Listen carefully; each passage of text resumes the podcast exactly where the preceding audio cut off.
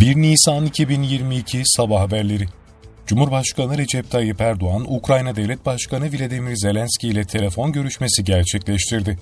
Cumhurbaşkanlığı İletişim Başkanlığı'ndan yapılan açıklamaya göre görüşmede Rusya ve Ukrayna heyetlerinin salı günü İstanbul'da yaptıkları müzakere toplantısı ele alındı. İstanbul'daki müzakereler sonrası gerginliğin azaltılması yönünde bir takım işaretlerin verilmesini önemli bulduğunu belirten Cumhurbaşkanı Erdoğan, Ukrayna Devlet Başkanı Zelenski ile Rusya Devlet Başkanı Vladimir Putin'i bir araya getirme ve bu buluşmaya Türkiye olarak ev sahipliği yapma önerisini yineledi. Rusya Devlet Başkanı Zelenski de Ukrayna ve Rusya heyetlerinin görüşmesine İstanbul'da yaptığı ev sahipliğinden dolayı Cumhurbaşkanı Erdoğan'a teşekkür etti.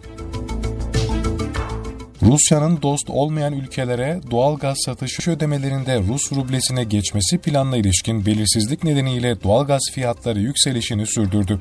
Öte yandan Putin'in imzaladığı ve ülkenin yasal bilgi sisteminde yayımlanan kararnameye göre Rus gazının dost olmayan ülkelere satışında ruble ile ödeme alınmasına yönelik yeni sistem devreye girdi.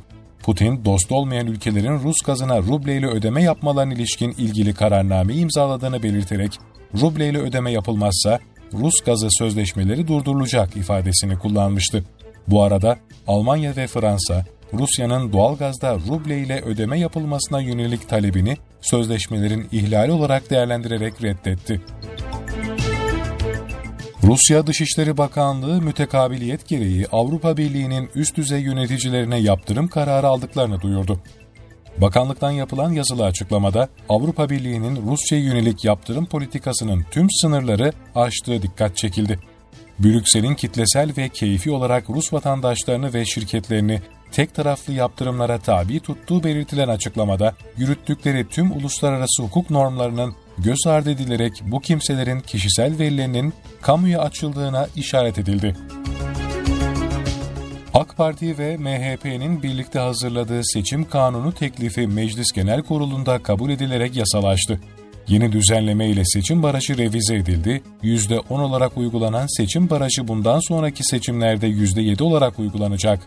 İttifak olarak %7 barajını geçen partiler, seçim bölgesinde gerekli oy oranına ulaşmadan milletvekili çıkaramayacak. Mecliste grup kurmuş olmak, seçime katılabilmenin yeterli şartlarından biri olamayacak siyasi partilerin seçime girebilmesi için 41 ilde örgütlenmeleri ve büyük kongreleri gerçekleştirmeleri gerekecek. Milli Eğitim Bakanı Mahmut Özer, Azerbaycan, Kazakistan, Kırgızistan, Özbekistan ve Türkiye'nin üye, Macaristan ve Türkmenistan'ın ise gözlemci üye olduğu Türk Devletleri Teşkilatı ülkeler arasında eğitim alanında yapılan işbirliğine ilişkin açıklamalarda bulundu.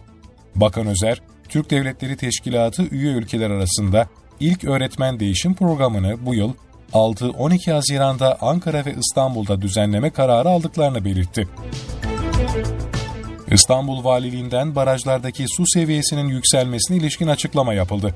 İstanbul Valiliği, Büyükçekmece, Ömerli ve Ali Beyköy barajlarında su seviyelerinin yükselmeye devam etmesi halinde suyun kontrollü olarak salınacağını bildirdi.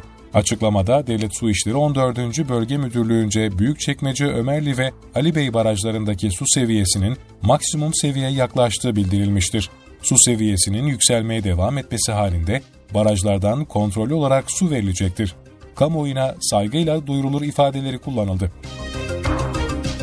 Türkiye'de 14.336 kişinin COVID-19 testi pozitif çıktı, 56 kişi hayatını kaybetti. Sağlık Bakanlığı'nın paylaştığı günlük koronavirüs tablosuna göre dün 272.196 COVID-19 testi yapıldı. 14.336 kişinin testi pozitif çıktı. 56 kişi hayatını kaybetti. İyileşenlerin sayısı ise 16.435 oldu.